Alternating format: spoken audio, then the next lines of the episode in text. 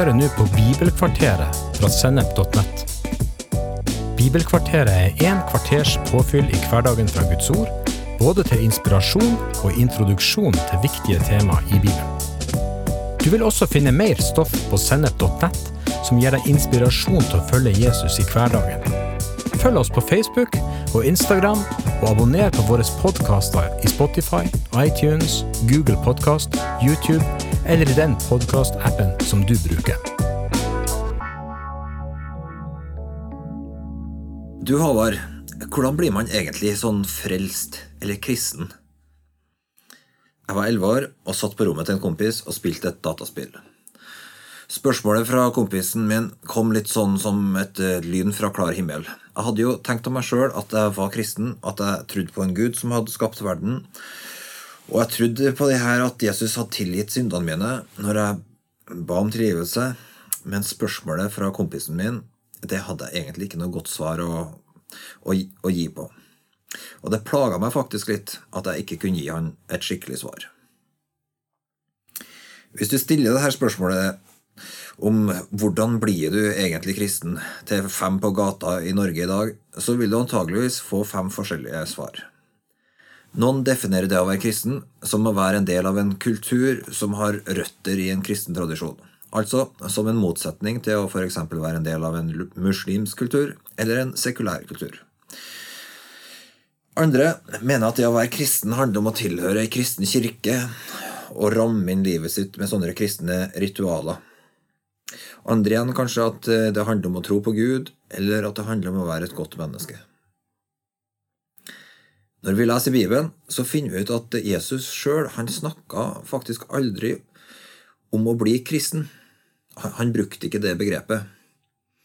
Jesus han, eh, han snakka om å bli født på ny, om å bli et Guds barn, og om å være hans disippel eller etterfølger. Faktisk er det først ca. ti år etter Jesu himmelfart at det er noen som begynner å kalle Jesus sine etterfølgere for kristen. Dette kan du lese om i apostelgjerningene og i kapittel 11. Men Jesus sin forståelse av dette det, det finner vi beskrevet i Johannes evangeliet kapittel 1 og vers 12-13. Alle som tok imot ham, dem ga han rett til å bli Guds barn, de som tror på hans navn. De er ikke født av kjøtt og blod, ikke av menneskers vilje og ikke av manns vilje, men av Gud. Bibelen sier altså at de som tar imot Jesus, de blir Guds barn, og de opplever det her mirakelet at Gud gir dem et nytt liv og en ny fødsel. Alle som tok imot ham, dem ga han rett til å bli Guds barn. Så å bli et Guds barn det forutsetter altså at vi tar imot Jesus. Men da melder det seg fort et nytt spørsmål.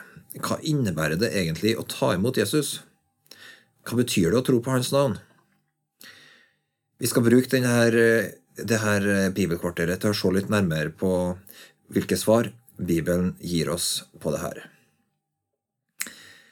Etter at Jesus sto fra grava, ga han disiplene sine beskjed om å forkynne de gode nyhetene om hans seier og gjøre folk til hans disipler. Den første gangen vi leser om at eh, disiplene hans forkynte dette evangeliet, det leser vi i apostelgjerningene kapittel 2, hvor Peter hjelper folk til å ta imot det nye livet fra Gud. Forklaringa til Peter av evangeliet viser oss for all ettertid hva det innebærer å ta imot Jesus og bli et Guds barn. Vi leser i apostelgjerningene kapittel 2 og ifra vers 22. Israelitter, hør de her ordene. Jesus fra Nasaret var en mann som Gud pekte ut for dere med mektige gjerninger og under og tegn som Gud lot han gjøre blant dere. Alt dette kjenner dere til. Han ble utlevert til dere slik Gud på forhånd hadde bestemt og kjent til, og ved lovløses hånd nagla dere han til korset og drepte han. Men Gud reiste han opp og løste han fra dødens ria. Døden var ikke sterk nok til å holde han fast. Så tar vi og hopper litt i avsnittet og leser videre hva Peter forteller. Han sier den her Jesus har Gud reist opp, det er vi alle vitner om. Han ble opphøyd til Guds høyre hånd og mottok fra sin far Den hellige ånd som var lova oss. Og den har han nå øst ut, slik dere ser og hører. Så skal hele Israels folk vite for visst her Jesus som dere kladfesta, han har Gud gjort til både Herre og Messias. Så her proklamerer Peter i denne talen sin det de sentrale sannhetene i evangeliet. Han sier Jesus fra Nasaret var en mann som Gud pekte ut for dere gjennom de her mektige gjerningene og undrene og tegn som Gud lot han gjøre. Så han sier Gud viste for alle at Jesus var Guds sønn. Og så sier han at Gud reiste han etter at han ble korsfesta, så reiste Gud han opp og løste han fra dødens ria. Døden var ikke sterk nok til å holde han fast. Så evangeliet, de gode nyhetene i evangeliet, det handler altså om at Jesus er sterkere enn sjøl den største fienden, nemlig døden. Og så, siden i vers 33, så leser vi at Peter sier om Kristus da, at han ble opphøyd til Guds høyre hånd. Så, så, så, det var ikke bare det at Jesus vant over døden, men han ble òg gitt den høyeste posisjonen i himmel og på jord, nemlig ved tronen ved Guds høyre hånd. Og Peter han avslutter på en måte da talen sin med å si den her Jesus som dere kors, korsfesta, han har Gud gjort til både Herre og Messias. Og så leser vi noe veldig interessant, for da kommer responsen fra de som hørte på. De sier, da de hørte det her, stakk det dem i hjertet så de ble berørt av det.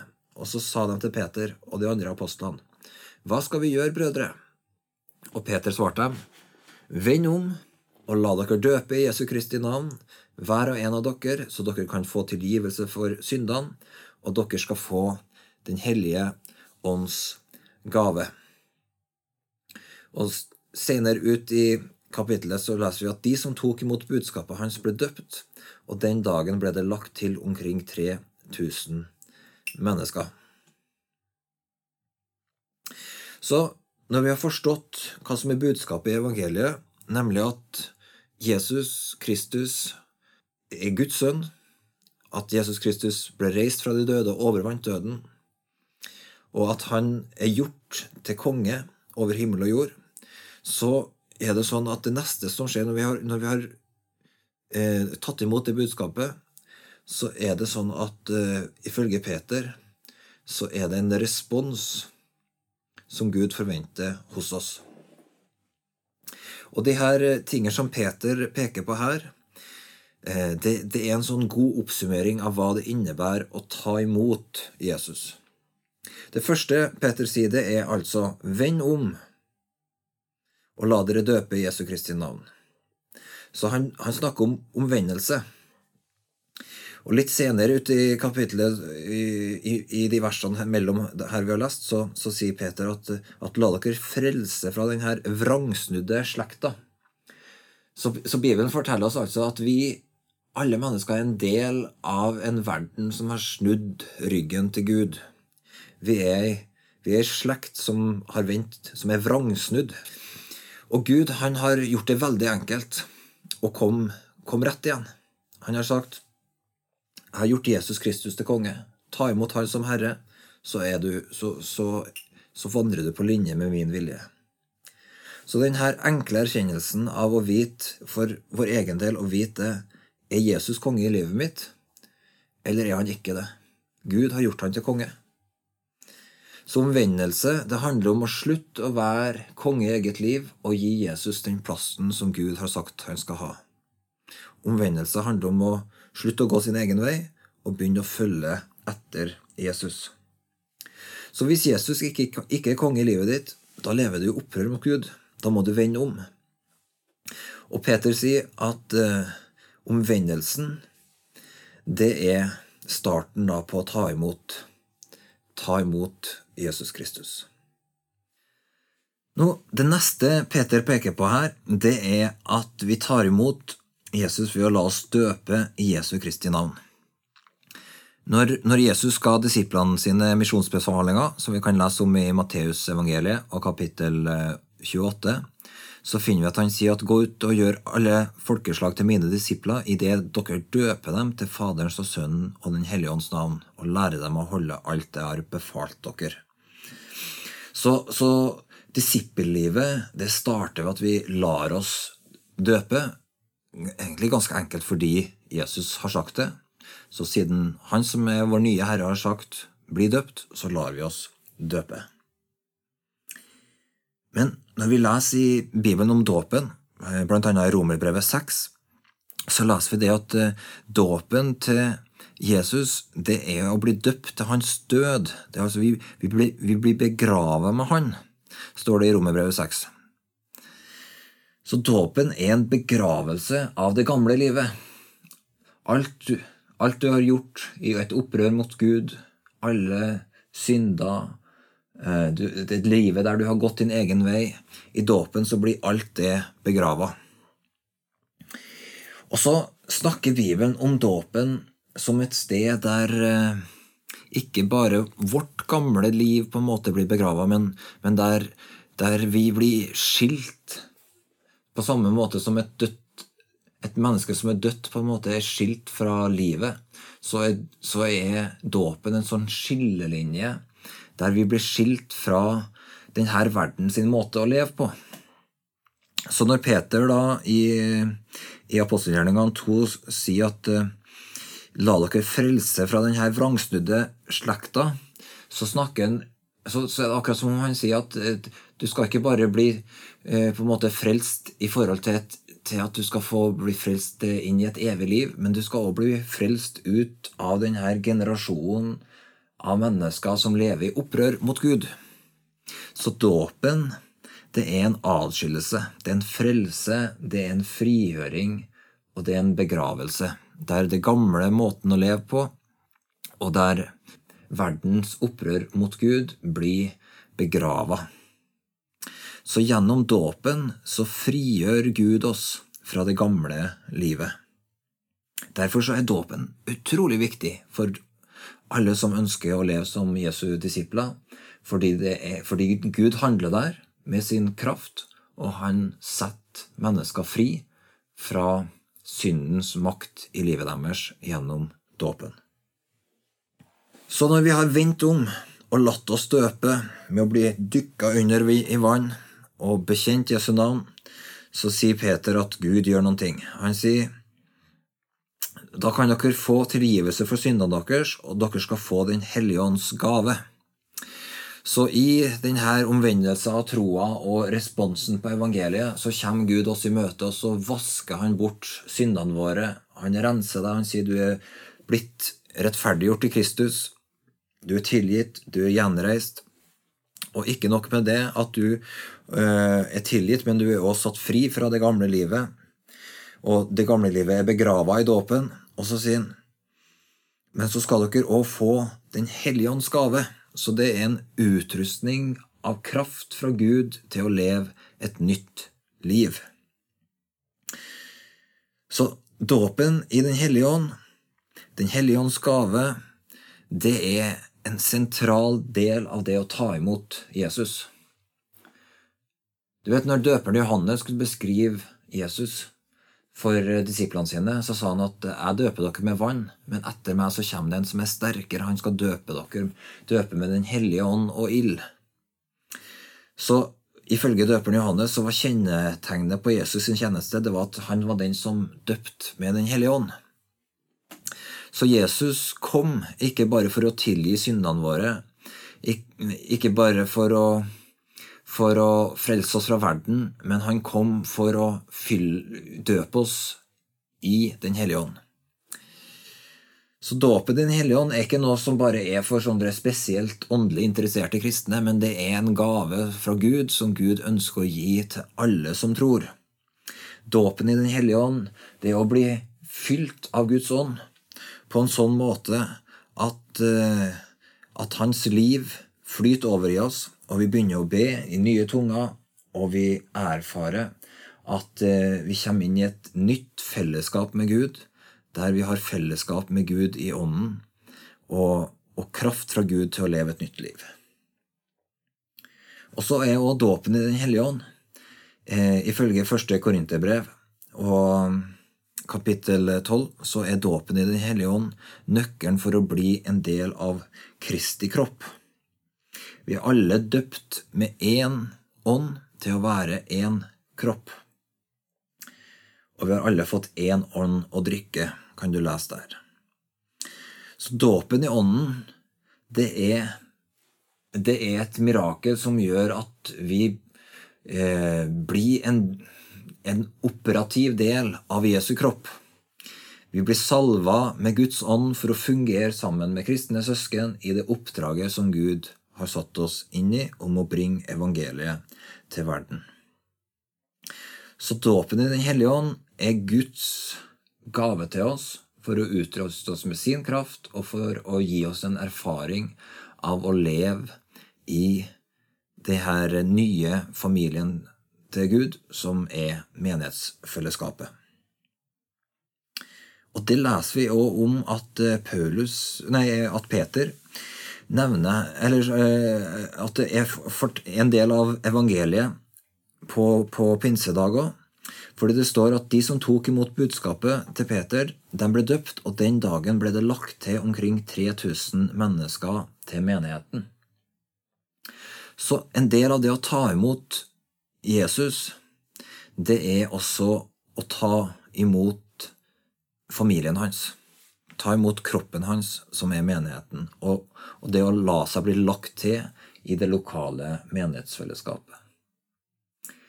Faktisk så kan du gå så langt som å si det at, at, at uh, når, når, Gud døper oss med sin Hellige Ånd, så har han allerede lagt oss til i, i menigheten sin.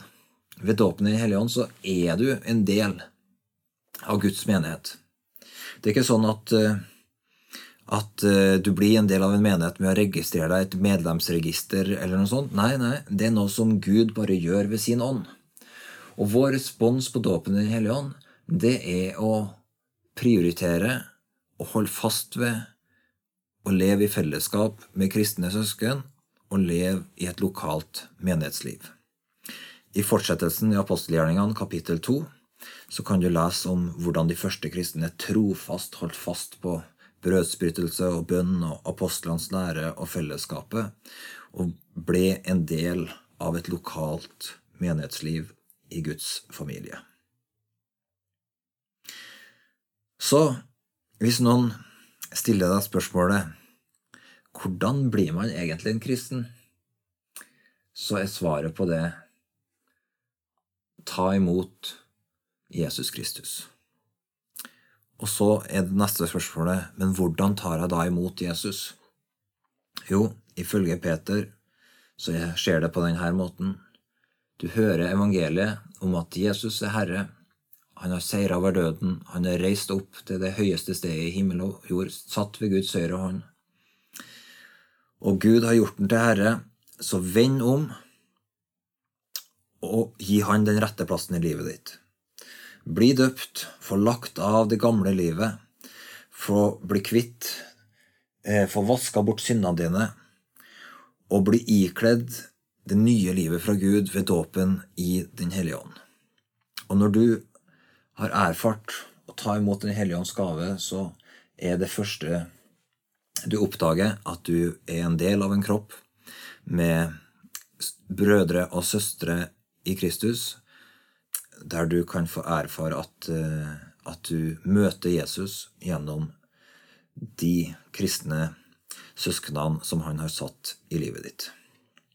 Så å ta imot Jesus, det er veldig enkelt, de her grunnleggende stegene som Peter peker på. Å vende om, tro evangeliet, la seg døpe, bli fylt av Guds ånd og gi seg til et lokalt menighetsliv. Det er den startpakken som Gud ønsker å gi til alle kristne. Vær velsigna.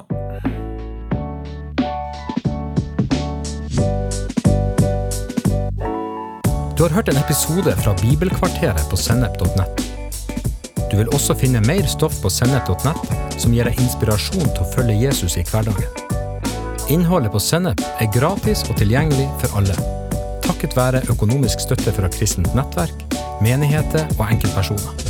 Du kan også hjelpe oss ved å be for oss at vi skal forkynne ordet med frimodighet, ved å dele innholdet vårt med venner og bekjente ved å rate podkastene våre på iTunes eller i podkastappen som du bruker. Eller ved å gi en engangsgave på VIPS, VIPS nummer 546668. takk for at du lytter til sennep.nett.